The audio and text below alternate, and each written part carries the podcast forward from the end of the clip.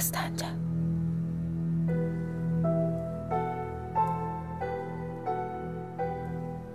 Nilüfər isə çərçivəyə söykənib daş kimi düşdüyü yerdə qalıb. Kirpik belə çalmır. Yalnız Nərimana baxır. Onun qalın geyim paltona, boynuna doladığı güzəmdən toxunmuş şalına baxır. Yandurmuş telləri pırtlaşıqdır. Axır dəfə küçədə gördüyü kimi şaqqavatlı deyil. Çiyinləri düşük, sir sifəti sınıxıb, üzünü saqqal basıb, baxışından umudsuzluq yağır. Nərimana baxdıqca yataqlıq yatmış bir naxoş kimi canı qızışır. Ağlamağı gəlsə də özünü saxlayıb dodağını dişləyir, bəlkə göz yaşının süzülməsinə mane olsun. Kədərlə sevinci birgə duymaq dünyanın lap əzab verici hisslərindəndir.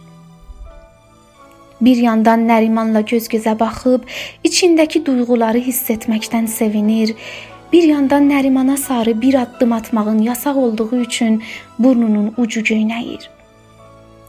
Nəriman isə mıx kimi çalındığı yerdə quruyub qalıb.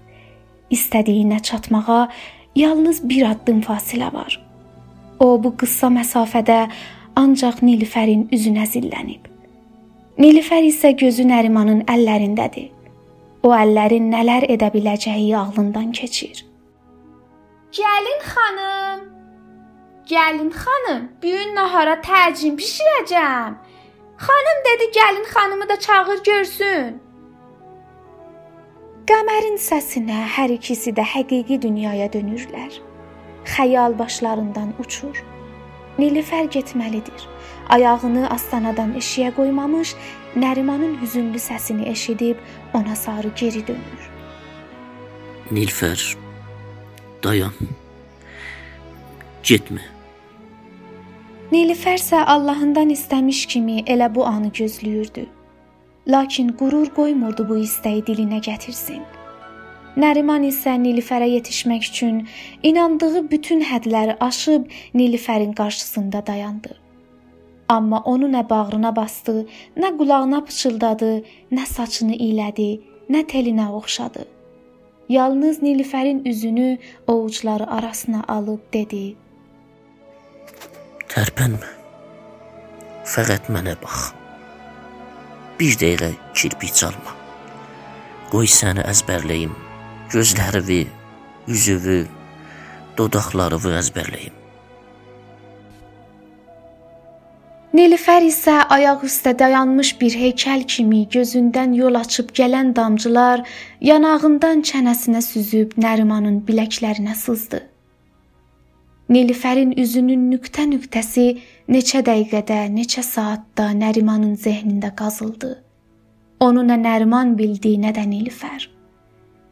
Bundan belə Nərimanın ömrünün axırınacan Nilüfərin sifəti nöqtə-bə-nöqtə, xətt-bə-xətt zehnində qalacaq.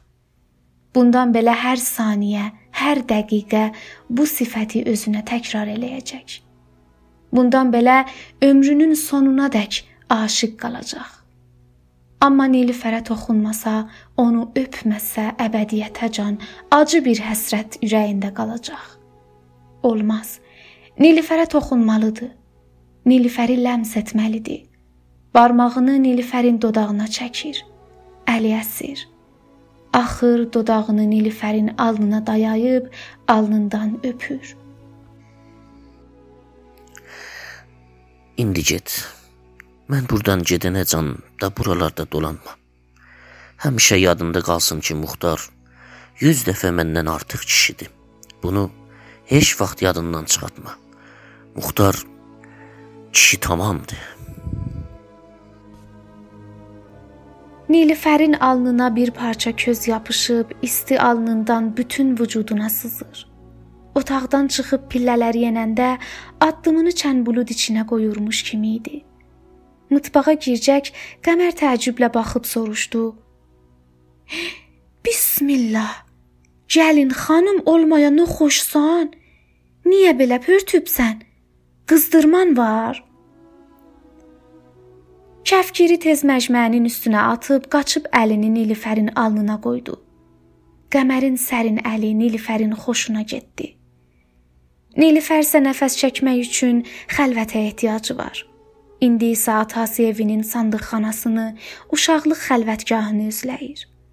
Palıt ağacına çıxmağı gəlir. Pörtübdür.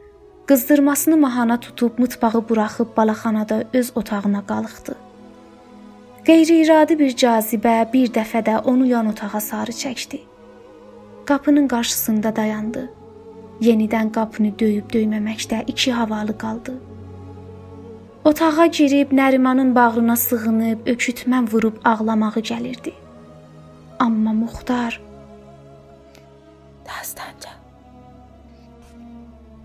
öz fikrindən canına qorxu düşdü. Yan otağın qapısını döymədən öz otağına keçib birbaşa sandığı açdı. Dantel yaxalı uniformunu, mədrəsə kitablarını bağrına basıb sandığın böyründə əyləşdi. Boğazını qəhər basmışdı. Gözündən bir damcı yaş süzülsəydi, qəhər boğazından qopardı. Gözü qurumuş çay kimi idi. Onun boğazının qəhərini alan damcılar hansı quyunun dibinə cummuşdu, hansı dənizdə qurumuşdu işəməyi tutdu. Yenə də ata evindəki palıt ağacını, qarğa yuvasını özlədi. Yerindən qalxmağı gəlmədi, qaçırtdı. İşəməyin istisini budlarında hiss elədi. Dantel yaxalı mədrəsə uniformunu qıçlarının arasına sıxıb sandığa sığındı. Yataqlıq yatmış naxoşlar kimi qızdırma tutub. Dilucu muxtara deməli bir dünya sözü var. Bilmir hardan başlasın, harda bitirsin. Nərimana aid nə varsa Muxtara deməli idi. Muxtar getməmiş dodağını qoydu Nəriman öpmüş yerə. Nilüfərin qızdırmalı alnından öpdü. Barmağını Nəriman barmağı çəkdiyi dodağına çəkib dedi: Sənin ağzın bütündür. Bunu neçə gündə yaxşı başa düşdüm. Nərimanı əmin əllərə tapşırım dönüm. Səhər Mirzə Mədəli xan həkimi gətirirəm səni görsün. Gecə yarıdan keçmişdi. Muxtarla Nəriman yan otaqdan çıxıb pillələrə sarı getdilər. Nəriman Muxtarın ardıca ayağını pilləyə atanda gözü arxasında qalmışdı.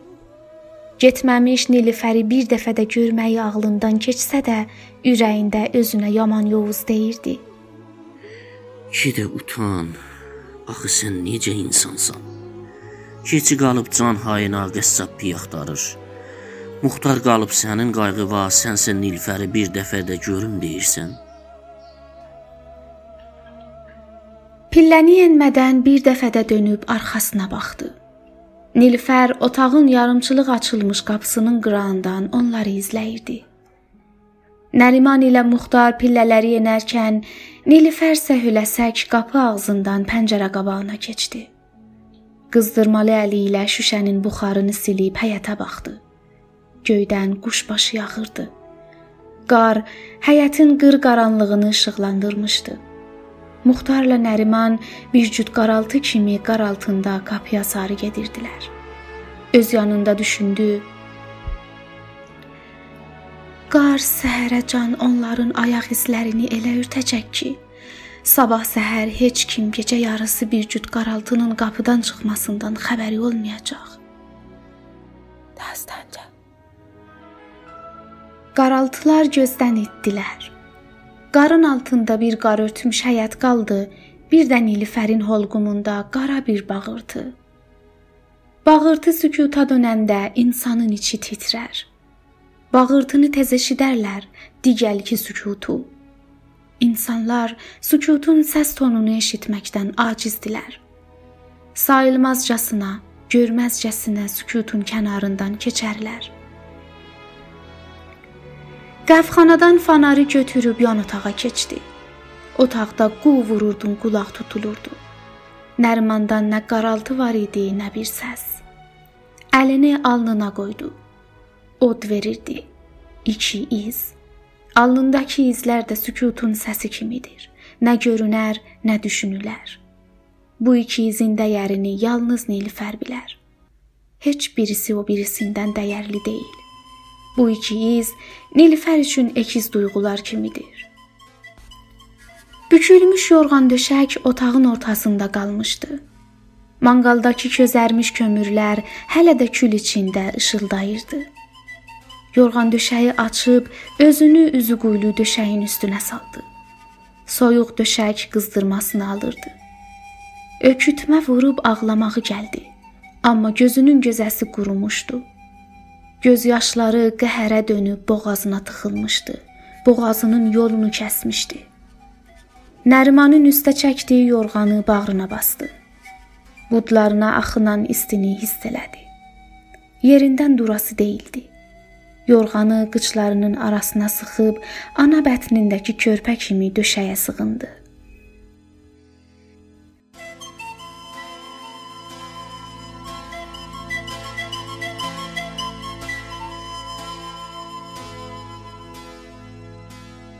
Kitabın adı Quşlar daha qorxmurlar.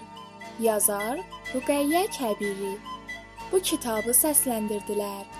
Ravi Saray Tahiri, Süleyman Muxtar, Mehdi Miyablı. Düzənləyən Səccad Müslimi. Bizim axağa qatılmaqla işimizin ardını tutmaqda bizə dəstək olun. Axağımızın adresi Dastanca. D A S T A N C A